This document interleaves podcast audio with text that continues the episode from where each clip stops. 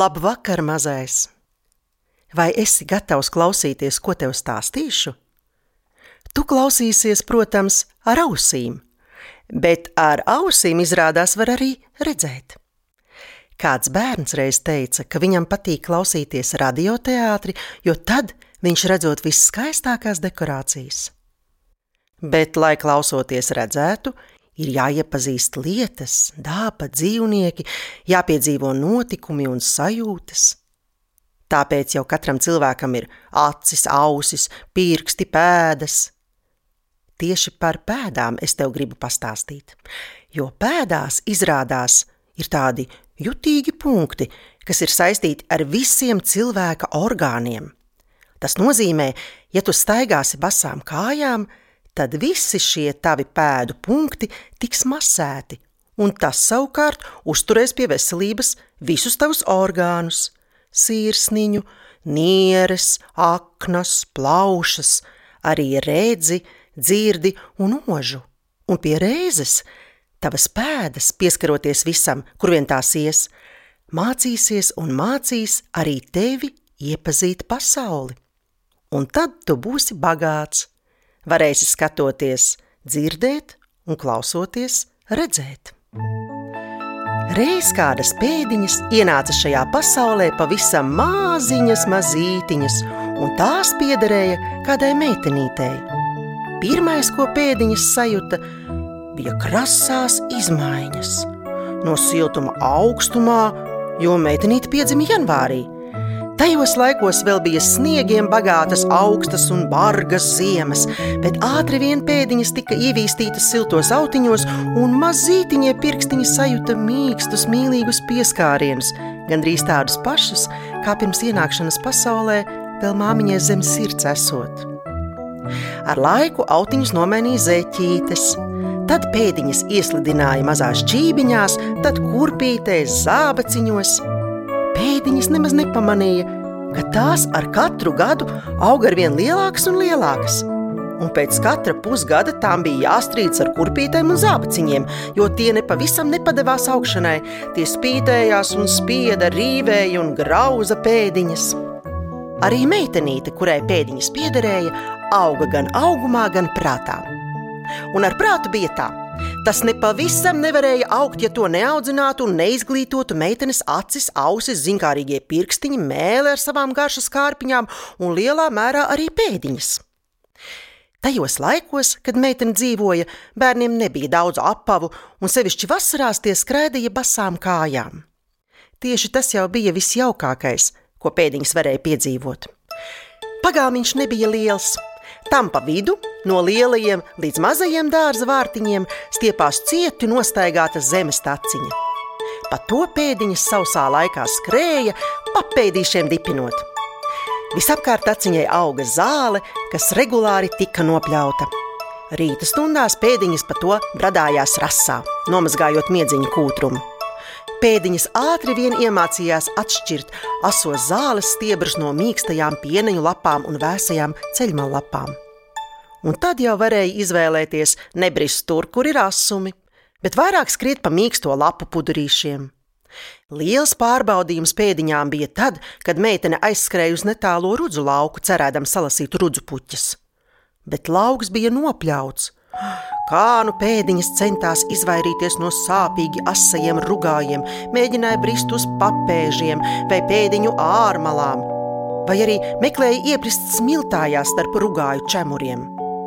Kad nu beidzot tika ārā no lauka, tad pēdiņas labu laiku veldzēja savas sāpes ceļmā lapu vēsumā un gājienu pa rugājiem kopā ar kāju potītēm, kuras arī bija no rugājiem saskrāpētas.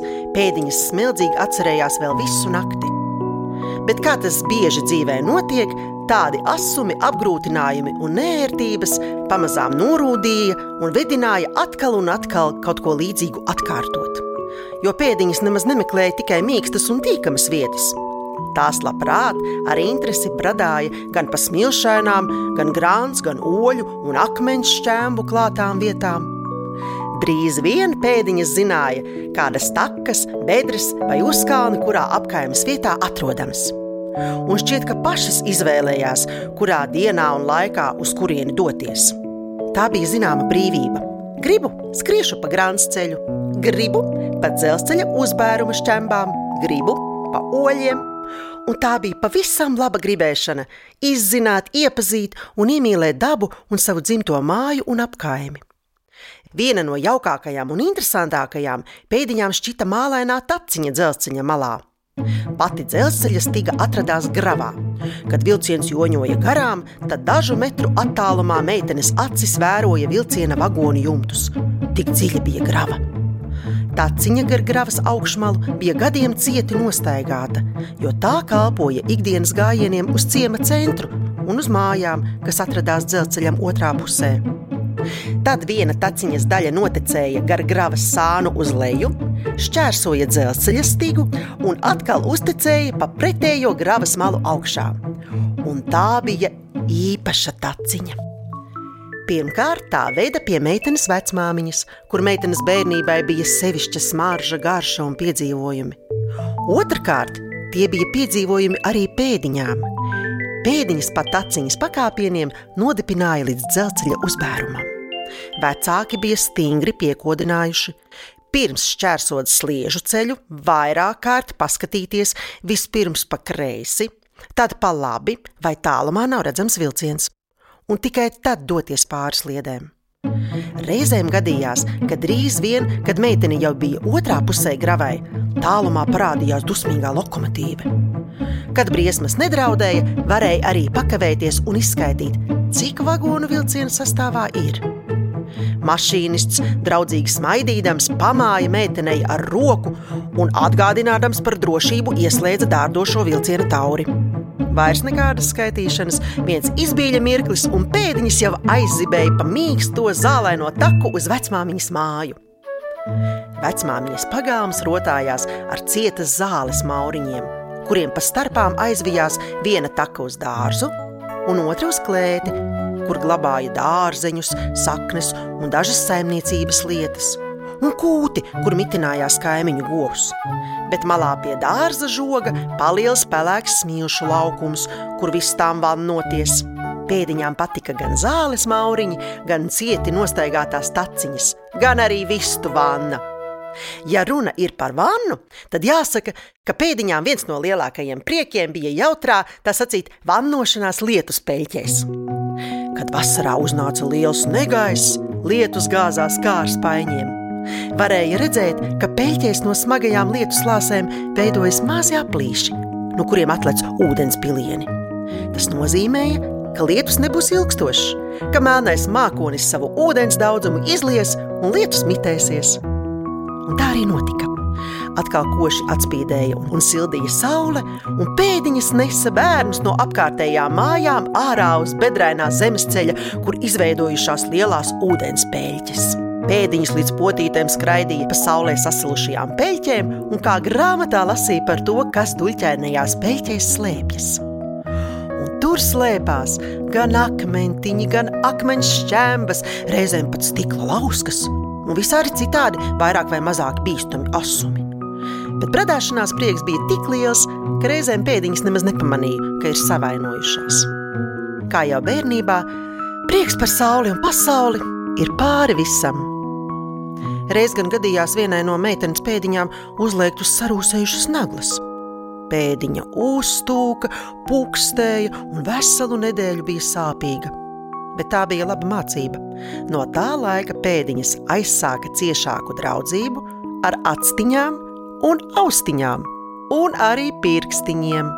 Un turpmāk draugi ar vien jau iepriekš brīdināja, kur droši doties, kur būt uzmanīgam, vai arī kur labāk kāju nespērt. Un, ja nu tomēr pēdiņām gadījās saskrāpēties, sasāpēties vai nogurt, tad meitene ļāva tām atpūsties. Pēdiņas atpūtā veldzējoties, kāri tvēra sauli, gaisu un zāles mīkstos dziedinošos pieskārienus. Pati meitene tikmēr guļot uz vēdera, ilgi pētīja zāles stiebrus, smilšu graudiņus, kukainīšus, sliekas, skūdriņas. Ai, tur bija ko skatīties un skatīties, vērot un domāt. Varēja gulēt arī uz muguras mīkstajā ežmalā. Tad acis mielojās pie mākoņiem debesīs. Vējš zīmēja mākoņos dažādus tēlus, tie visi kustējās, pārveidojās un rosināja izdomāt dažādus stāstus un pasakas. Tālūk, Tā pēdiņas iemācīja meitenei iepazīt un iemīlēt dabu, savas mājas un gan tuvāko, gan tālāko apkaimi. Interesanti ir tas, ka viss, ko viņas pēdiņas piedzīvoja, sajuta un iepazina, saglabājās pēdiņu atmiņā vēl līdz tam laikam, kad meitene pati jau bija vecmāmiņas gados. Pajautā bērns savai vecmāmiņai, vectēvam, māmiņai vai tētim, ko no bērnības atceras viņu pēdas. Tie noteikti ir interesanti stāsti.